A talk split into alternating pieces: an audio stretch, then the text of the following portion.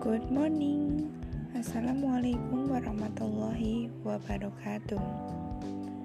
My name is Putri Dika Lestari. Class 12 IP4.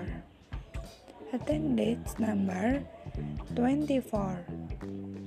Here I will make a podcast about my hobby.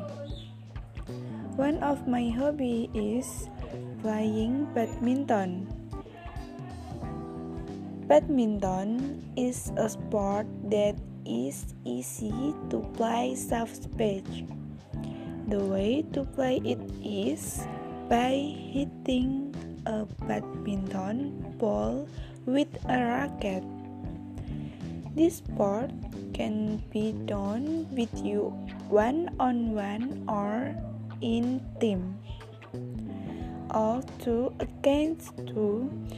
The two of us always practice vigorously together in the yard. By making a line on the ground and spreading the net for the barrier. I usually eat twice a week every Friday evening and Sunday morning. My partner is Unita. She is my neighbor.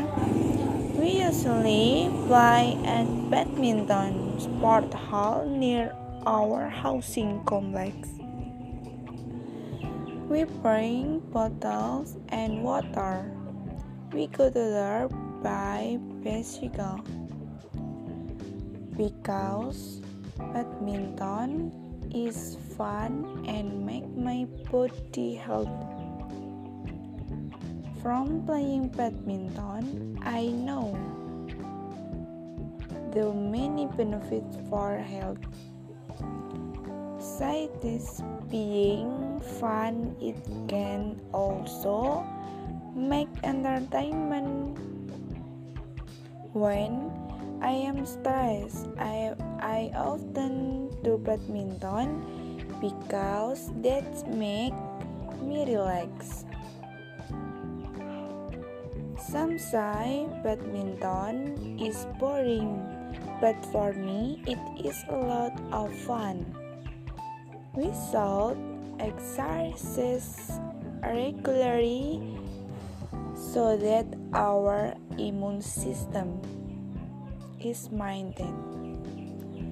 That's all, and thanks for me.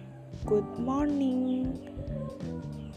Wassalamualaikum warahmatullahi wabarakatuh.